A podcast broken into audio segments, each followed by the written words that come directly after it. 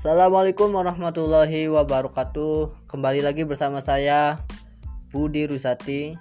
Kali ini atau sore hari ini saya akan berdiskusi dengan dua tokoh pemuda yang sangat inspiratif dan mempunyai banyak sekali pengalaman. Yang pertama narasumber kita yaitu Mr. Casudi.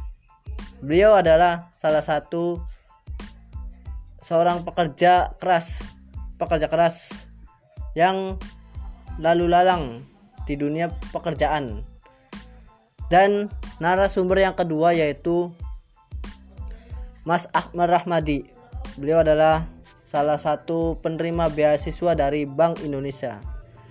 Untuk yang pertama kali saya tanya yaitu Kang Casudi. Baik, sebelumnya Kang Casudi silakan sapa teman-teman kita yang ada di sana. Ya, selamat sore teman-teman, ketemu lagi sama saya Muhammad Casudi. Ya, baik. Uh, teman-teman beliau bernama Kang Casudi, Muhammad Casudi. Kang Casudi uh, sudah siap? Ya, udah siap. Saya akan uh, akan menanyakan kepada anda terkait tentang dunia pekerjaan. Bagaimana sih ketika para pelajar ini ketika lulus SMA ataupun SMK yang kelas 3 khususnya yang kelas 12. Nah, apa yang harus dilakukan ketika masuk dunia kerja?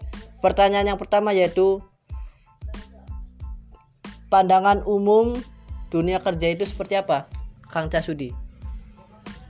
Ya, pandangan umum dunia kerja itu banyak mencakup produksi proyek atau infrastruktur jalan yang meliputi bangunan, building dan sebagainya. Selain tentang proyek ada apa aja, Mas Tasudi? Selain proyek, saya ada kerja di pabrik piano. Pabrik piano. Iya. Mm -hmm. Terus? Pabrik piano pernah juga jadi office boy di perkantoran Menara Stikon. Ya dengar-dengar uh, Mas Casudi ini pernah ke luar negeri. Apa betul? Ke mana Mas Casudi? Ya saya pernah ke Qatar, tapi cuma durasi singkat cuma satu tahun. Itu di Qatar memproduksi apa atau di PT apa gitu? Oh di Qatar di catering namanya PDC Tanwin Qatar. Hmm, Tanwin Qatar. Ya baik. Mas Sudi. Pertanyaan yang kedua yaitu apa saja yang dilakukan oleh kita ketika ingin bekerja baik di dalam negeri maupun di luar negeri. Pertama-tama kita siapkan fotokopi lamarannya lengkap seperti KTP, fotokopi jasa, daftar nilai, riwayat hidup, sama pengalaman kerja dan jangan lupa pas foto 4 kali 6 sama 3 kali 4 itu 5 lembaran semua. Dan SKCK yang masih berlaku. Itu sangat apa ya? Sangat banyak atau sedikit itu Pancasudi persyaratan itu persyaratan umum apa persyaratan khusus itu? Itu buat persyaratan khususnya. Oke. Makasih Kang Casudi nah Kang Casudi ini selama atau pengalaman bekerja sudah banyak ya. Ada di dalam negeri maupun di luar negeri nah selanjutnya Kang Casudi yaitu bagaimana cara kita agar diterima bekerja? Caranya seperti apa?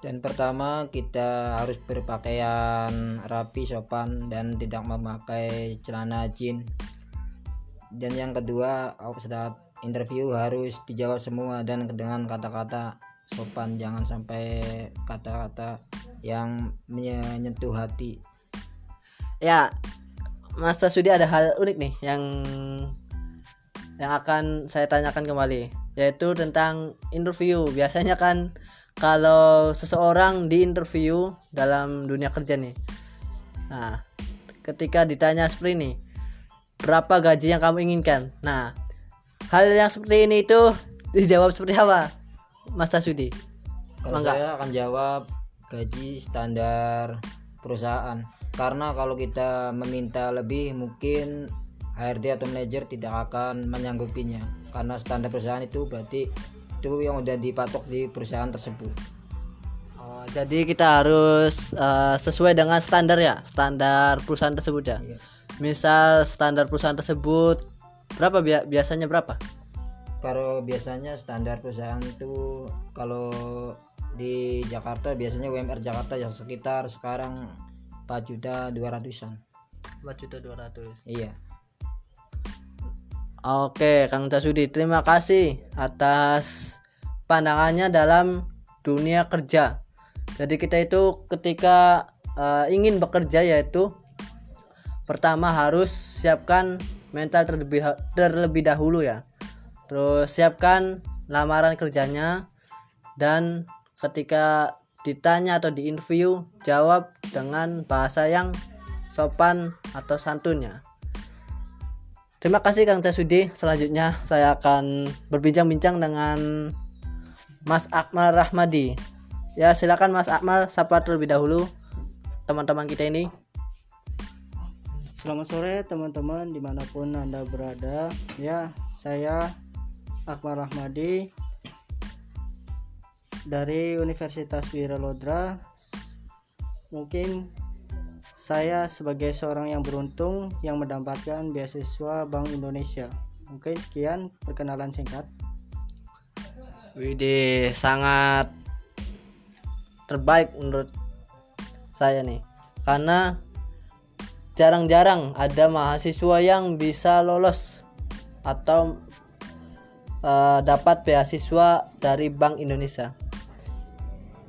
Pertama pertanyaan yang pertama Mas Akmal yaitu eh, ketika Mas Akmal baru lulus dari sekolah yaitu ada niatan kuliah atau kuliah ini terpaksa atau gimana? Silakan dijawab.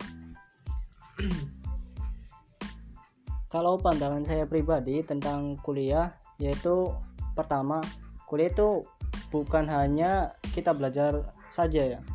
Tetapi lebih dari itu kita juga eh, mendapatkan relasi yang lebih banyak, kemudian pengetahuan yang lebih banyak dan pengalaman dengan orang yang sudah memiliki pekerjaan atau sudah bekerja. Nah, menurut saya kuliah itu jangan dibikin apa ya? paksaan. Artinya, kalau kita jadikan paksaan, maka kuliah itu ya seadanya aja. Udahlah asal lulus. Kemudian kalau saya pribadi eh, nggak tahu kenapa saya lebih memilih kuliah dibandingkan dengan penawaran-penawaran yang saya dapat gitu. Misalnya ada teman yang menawarkan eh ayo eh, kerja aja di misalnya pabrik A sedang buka lowongan. Nah itu saya tidak tertarik sama sekali. Karena apa karena pendidikan adalah investasi jangka panjang gitu. Mungkin itu sih Jadi eh, pendidikan menurut Mas Akmal ini investasi jangka panjang sobat. Pertanyaan selanjutnya yaitu apa yang harus dilakukan ketika ingin atau ketika kita eh, mempunyai cita-cita ingin kuliah yang harus dilakukan oleh kita itu seperti apa? Iya, tentunya apa yang kita lakukan pertama kita sebagai seorang pelajar ya, tentunya belajar dan bukan hanya belajar menurut saya. Menurut saya yang lebih penting itu eh, bagaimana cara kita belajar dan bagaimana cara kita memiliki mental yang kuat.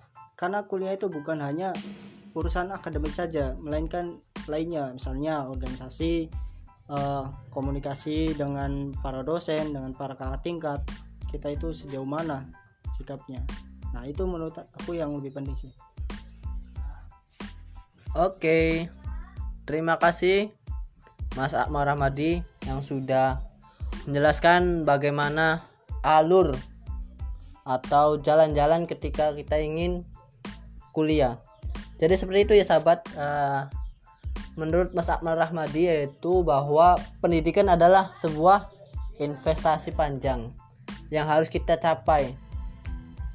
Nah, adapun tadi yang sudah dijelaskan caranya seperti apa caranya itu kita harus belajar dengan optimal.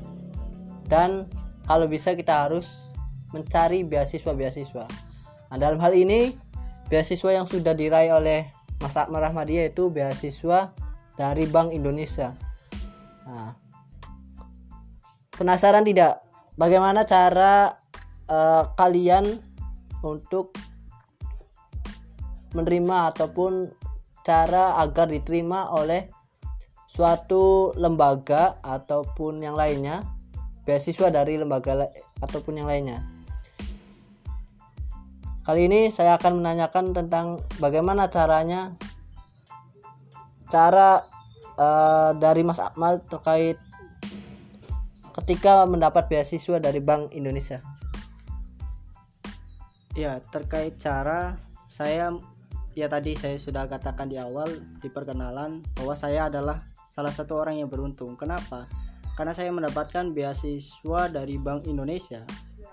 Itu ya menurut saya bukan karena kepintaran saya ya. Saya dibilang bukan orang yang pintar dibanding teman-teman lainnya. Karena saya lihat eh, teman-teman saya yang prestasinya di atas saya itu pada tes wawancara itu tidak berhasil. Kemudian tes berkas berhasil. Eh, menurut saya yang lebih penting adalah bagaimana kita caranya mengkomunikasikan apa saja pengalaman kita pada saat wawancara. Nah untuk persyaratan yaitu pertama nih yang paling penting adalah kalian itu aktif di organisasi. Nah Kenapa aktif? Karena relasi beasiswa, penyampaian beasiswa itu dari atau apa ya secara langsung dari kaprodinya atau ketua program studinya. Nah itu penting banget sih menurut saya. Di samping belajar itu penting karena saya eh, prestasi itu biasa-biasa aja gitu, bahkan di bawah teman-teman saya gitu. Makanya saya dianggap orang yang beruntung Nah, itu sih IPK saya cuma 3,48 dibanding teman-teman saya yang ditolak pada saat wawancara beasiswa yang IPK-nya 3,6 sekian, bahkan ada orang yang teman saya yang 3,7 sekian. Nah, itu loh. Yang lebih penting adalah pertama belajar oke lah. IPK dipertahanin. Kemudian organisasi itu penting karena dari situlah kalian dapat apa ya link istilahnya link dari yang eh, punya link beasiswa gitu. Misalnya Kaprodi saya juga punya link di kancah nasionalnya yaitu eh, beasiswa apa tuh? Saya tidak daftar karena takutnya kalau saya daftar bank dari Bank Indonesia keterima dari eh, pihak lain keterima jadi dua-duanya keterima maka saya harus mengundurkan salah satu. Itu kan apa ya menutup eh, peluang bagi yang lainnya maka saya pilih Bank Indonesia aja nah itu sih tips dari saya mungkin eh, pengalaman pribadi Wih, sangat inspiratif ya sahabat. Jadi selain kita harus berkomunikasi, kita juga harus berorganisasi karena segala sumber apa pun ketika kita kuliah yaitu adanya dari organisasi. Baik itu info-info tentang cara agar mendapatkan IPK bagus ataupun cara mendapatkan beasiswa.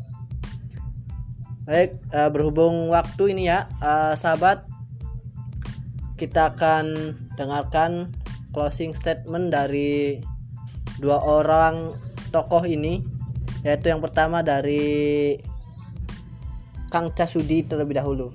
Silakan berikan motivasi kepada teman-teman kita ini.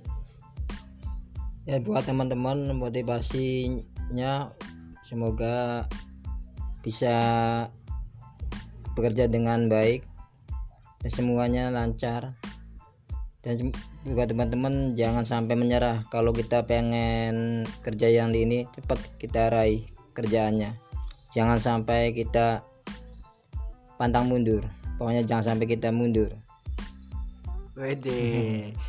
Teman-teman, itulah uh, closing statement dari Kang Tasudi jadi jangan menyerah atau pantang mundur.